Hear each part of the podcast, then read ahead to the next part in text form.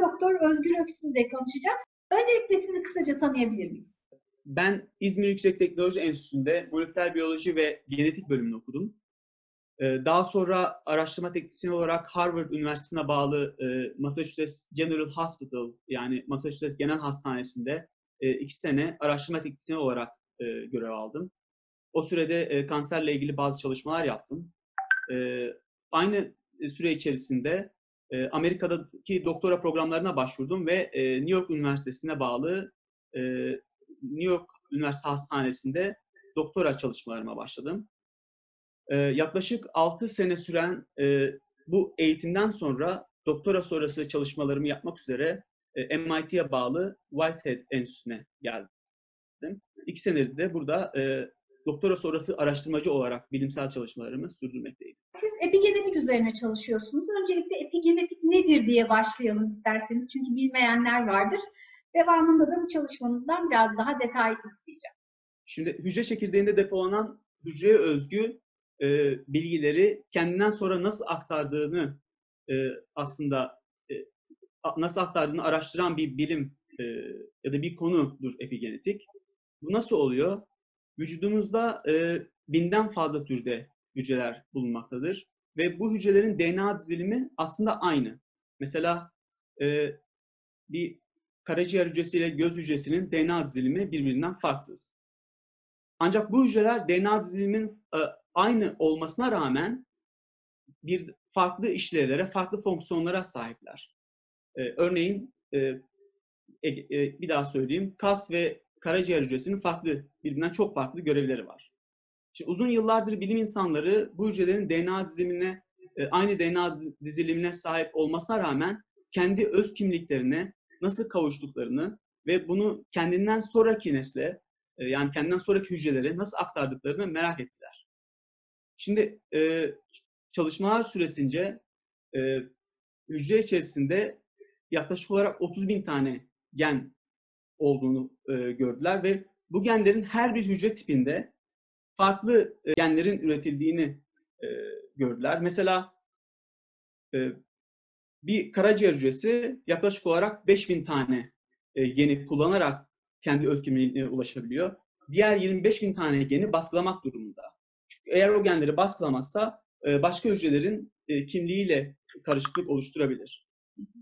Şimdi bu hücreler e, hangi genlerin RNA oluşturduklarına ve hangi hangi genlerin baskılanacağına e, nasıl karar veriyor? Buna bunu çalışan e, konuya aslında epigenetik deniyor. Yani DNA dizilimi aynı olmasına rağmen hücrelerin farklı genleri aktif hale getirmesi olayına ya da farklı genleri baskılama olayına epigenetik e, deniyor. Komp protein grupları üzerine çalışıyorsunuz.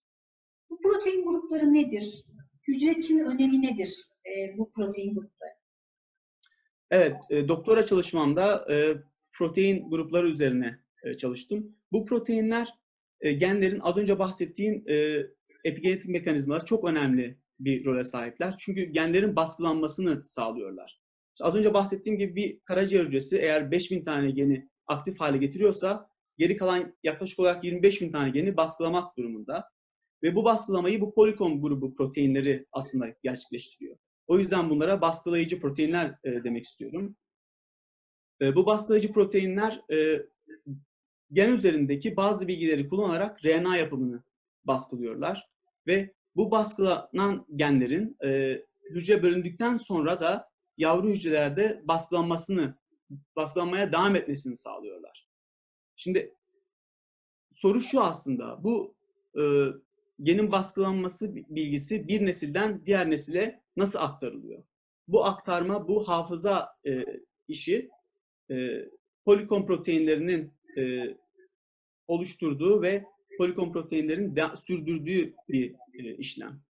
E, ana işlem işlevlerini anlatayım. Organizmanın e, baştan ayağa kadar e, bir segment şeklinde oluştuğunu düşünün ve her bir segmentte farklı organların ve farklı uzuvların e, meydana geldiğini düşünün. Polikom proteinleri de hangi bölgede e, hangi uzuvların ve hangi organların oluşacağını belirleyen çok önemli bir protein grubu. Bunu nasıl sağlıyor?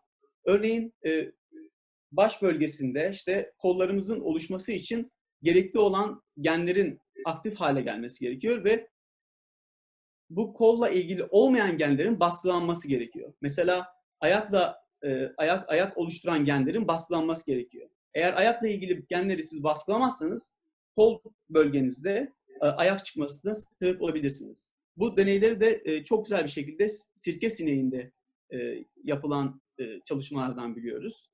Örneğin sirke sineğinde bu proteinleri elimine ettiğin zaman yani yok ettiğin zaman sirke sineğin vücudunda ekstra bir kanat ya da ekstra bir ayak, bacak gözlemlenmiş.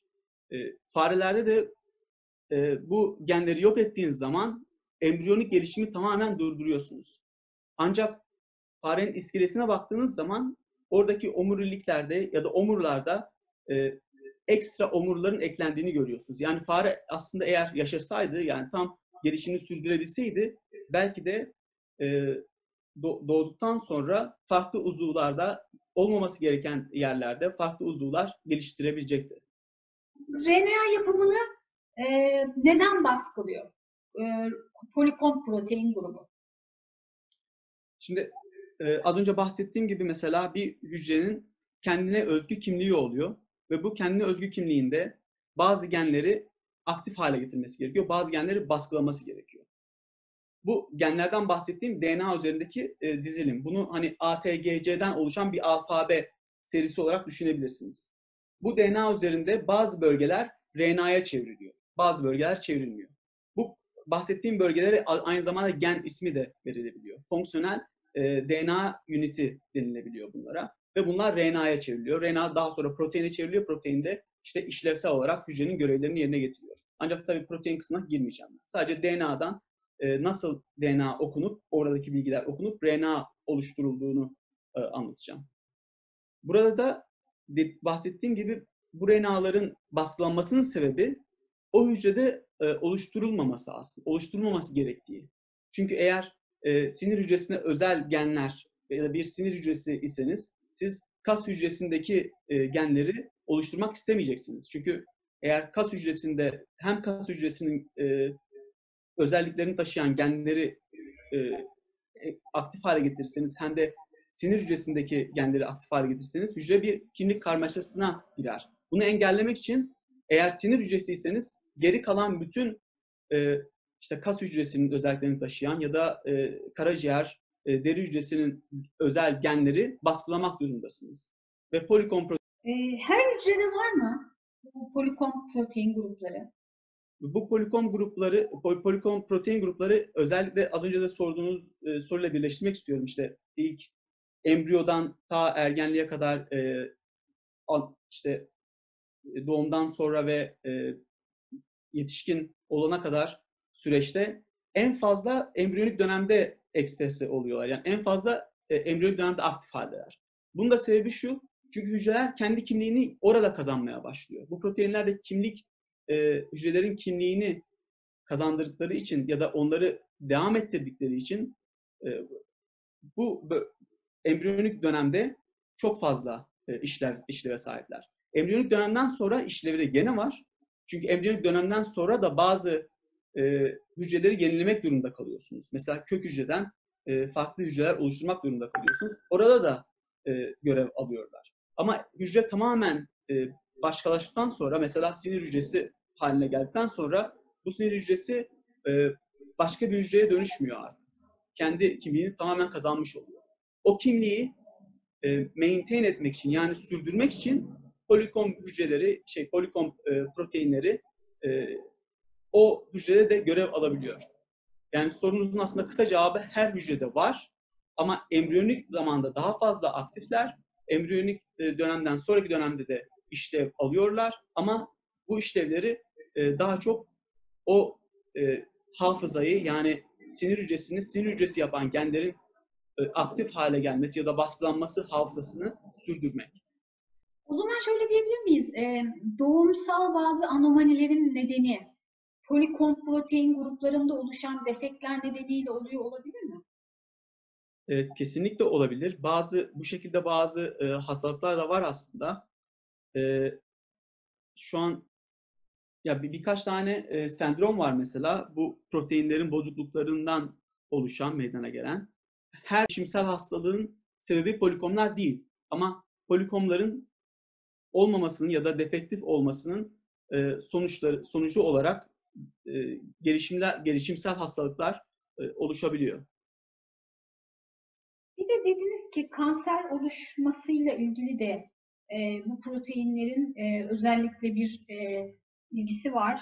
E, nasıl bir ilgisi var? Yani bunlar e, kanser hücrelerini aslında yok edebilirler mi? E, çünkü dediniz ki yetişkinliğe kadar var, yetişkinlikten sonra yok. E, çocukluk çağı kanserlerinde mi daha e, çalışma defekti olduğu için oluşuyor? Yoksa yetişkinlik döneminden sonra e, görevlerini yapmadıkları için mi kanser oranları daha yüksek görülüyor? Aslında bu çok e, güzel bir soru. Bu bizim alanda da çok fazla sorulan sorulardan biri. E, genel olarak e, önce çocukluk çağındaki kanserlerde daha fazla görülüyor. Şimdi kanseri biraz daha açacak olursak, nasıl oluş mekanizmalarından birini açacak olursak, kök hücre dediğimiz e, hücreler var ve bunlar daha önceki erken yaşlarda ya da işte çocukluk döneminde ya da bebeklik döneminde daha fazla aktif halde oluyorlar. Çünkü dediğim gibi hücre e, organizma kendini geliştireceği için farklı hücre tipleri oluşturduğu için ve her zaman bir büyüme meydana geldiği için bu kök hücreler başkalaşıp farklı e, hücreler oluşturabiliyorlar. Şimdi bu e, yetişkin zamanda daha az oluşan bir durum. Çünkü zaten e, gerekli boyuta e, gelmiş oluyor organizma ve e, başkalaşmış oluyor tamamen. Şimdi e, bu proteinler daha çok embriyonik dönemde e, ya da kök hücrelerde daha fazla aktif haldeler, polikom proteinleri. Kanserli hücrelerde de çok fazla aktif haldeler. Şimdi buna baktığımız zaman aslında kanserli hücrelerin bazı özellikleri, bazı özellikleri itibariyle kök hücrelere benzediklerini söyleyebiliriz. Ve e, hatta böyle bir hipotez bile var. E, kanser kök hücre hipotezi. E, kanserli hücrelerin kök hücrelerden gel- gelebilme ya da kök hücrelere benzeyip ve benzemediğini araştıran bir hipotez. E, bu aynı zamanda kök hücrelerin e, kendini yenilemesini, işte polikom proteini kendilerini yenilemesine de yardımcı oluyor. Kanserli hücrelerde de kanserli hücrelerin e, çoğalmasını ya da daha fazla bölünmesine de e, sebep olabilir ya da onu devam ettirmelerini sağlayabilir. Polikom protein gruplarının mekanizmasını anlamak neden önemli? Evet, e, işte bahsettiğiniz gibi bu proteinler çok önemli proteinler. Gelişimde olsun, kanserde olsun. E, bunların mekanizmasını anladığımız zaman biz aslında onlara karşı bir e, terapi, bir ilaç geliştirebiliyoruz. Mesela kanserli hücrelerde bunlar dediğim gibi tekrar aktif hale geliyorlar. Kök hücrede olduğu gibi. Ve bunları eğer kanserli hücrelerde mesela yok ederseniz siz bazı kanserli hücrelerde e, o kanserli hücrelerin büyümesini engelleyebiliyorsunuz. Bu nedenle onların e, mekanizmasını anlarsanız hangi aşamada onları e, hedefleyeceğinizi ve hangi aşamada onları durdurabileceğinizi öğrenmiş oluyorsunuz. Bu proteinlerle ilgili e, hangi herhangi bir bilgi bize yardımcı olabilir. Hangi proteinlerin yardım ettiği ya da bu hücre içerisinde DNA üzerinde nerelere bağlandığı e, gibi sorular, soruların cevapları e, terapi yönünde, terapi anlamında bize çok fazla e, bir bilgi sağlamış olabilir. Yani sağlayabilir daha doğrusu. E, bu, bu çalışmalar hangi aşamada?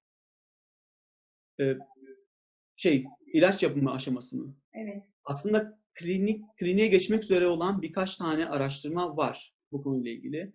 Bu polikom proteinlerinin en önemli proteini e, enzimatik aktivitesi de olan yani bir hücre içerisinde bir kimyasal modifikasyona, bir kimyasal e, işleve sahip olan e, protein ismi EZH2, EZH2 diye bir e, protein ve bu proteinin enzimatik aktivitesini durdurmaya yönelik ilaçlar var. E, doktora çalışmamda bu, bu mekanizmalarını araştırmaya çalıştım ben ve e, o mekanizmalardan birini de e, hedefleyen bir e, ilaç var ve bu ilaç aslında e, bu proteinlerin DNA üzerine bağlanmasını engelliyor.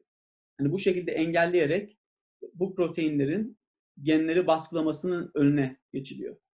Kanserli hücrelerde bu, bu genler daha aktif olduğu için e, orada daha fazla geni baskılayacakları için siz bunu engelle engellerseniz e, kanser hücreleri e, şeyde bölünmesini de engelleyebilirsiniz ya da çoğalmasını engelleyebilirsiniz. Ee, çalışma alanlarımızdan biri de gen kontrolü üzerine. Ee, öncelikle gen kontrolü nedir ve nasıl yapılıyor ve bunun üzerine siz daha detaylı böyle çalıştığınız projeyle ilgili de bilgi verirseniz sevinirim açıkçası. E, tabii ki. Şimdi e, gen kontrolü aslında e, DNA üzerindeki bilgileri hücrenin alıp işleyip onları RNA'ya çevirmesi. RNA da işlevsel bir molekül. Bu molekül daha sonra proteine çevrilip hücrenin herhangi bir e, fonksiyonunu yerine getirmek yerine getirmesi için e, gerekli olan pro, e, molekülleri yani proteinleri oluşturmasını sağlıyor. Şimdi bu olaya aslında DNA'dan RNA çevirme olayına transkripsiyon yani yazılım adı veriliyor. Ve bu bu şey içerisinde e, olay içerisinde bir sürü kontrol mekanizmaları, regülasyonlar e, oluşuyor. Buna da gen kontrolü deniyor. Yani hangi genlerin aslında aktif hale gelip aktif hale gelmeyeceğini belirleyen bir e, mekanizma, bir kontrol mekanizması. Bu çok önemli. Bu az önce bahsettiğim sebeplerden dolayı çok önemli mesela. Dediğim gibi e, hücrenin aktif halde tutması gereken bazı genler var ve o genler e, aktif halde tutulmazsa hücre kendi kimliğini kaybediyor ya da başka işler yapıyor. O, o nedenle siz o genleri aktif halde tutmak durumdasınız. Bunu hangi e, mekanizmalar sağlıyor? Bunun üzerine e, çalışıyorum şu anda. E, DNA'dan RNA yapan bir enzim e, var. Bunun da ismi RNA polimeraz. E, RNA polimeraz 2. Bu bahsettiğim protein yapan genlerin e, oluşmasını, e, RNA'ların oluşmasını sağlayan bir e, gen. Bu genin, bu pardon, bu enzimin, proteinin e, çalışma mekanizması üzerine neden bazı genleri e, aktif hale getirip bazı genleri aktif hale getirmediği e, gibi sorular sorarak e, bu spesifiste yani özel şekilde gen aktivasyonunun nasıl olduğunu, ne kadar uzun sürdüğünü, ne kadar RNA yapıldığını araştırıyorum şu anda. Peki neden çeviriyor bazılarını da bazılarını çevirmiyor? Ee, çok güzel bir soru. Şimdi bu aslında biraz da e, güzel olduğu kadar da zor bir soru. Hala üzerinde çalıştığımız bir soru. E, DNA'nın üzerinde bazı e, işaretler var. Bu işaretleri kullanarak aslında biraz e, bu işaretleri kullanarak hangi genlerin aktif hale gelip hangi genlerin aktif hale gelmeyeceğine karar verebiliyor. Şimdi bu e, DNA'nın üzerindeki şimdi DNA hücre içerisinde e, tek başına bulunmuyor. Histon proteinleri dediğimiz proteinler e, üzerine sarılı bir şekilde bulunuyor. Ve aynı zamanda bu proteinler kimyasal olarak e, işaretleniyor. Yani bu histon proteinleri kimyasal olarak işaretleniyor. DNA düşünün. Bu DNA'nın şuraya bu şekilde sarılı olduğunu düşünün. Buna histon proteinleri e, deniyor. Ve dediğim gibi bu histon proteinleri işaretleniyor. Eğer bu histon proteinleri diyelim ki kırmızıyla işaretliyse bu e, bölge, bu DNA bölgesi e, aktif halde değil, aktif hale getirilmiyor. RNA polimeraz buraya gelip bağlanamıyor.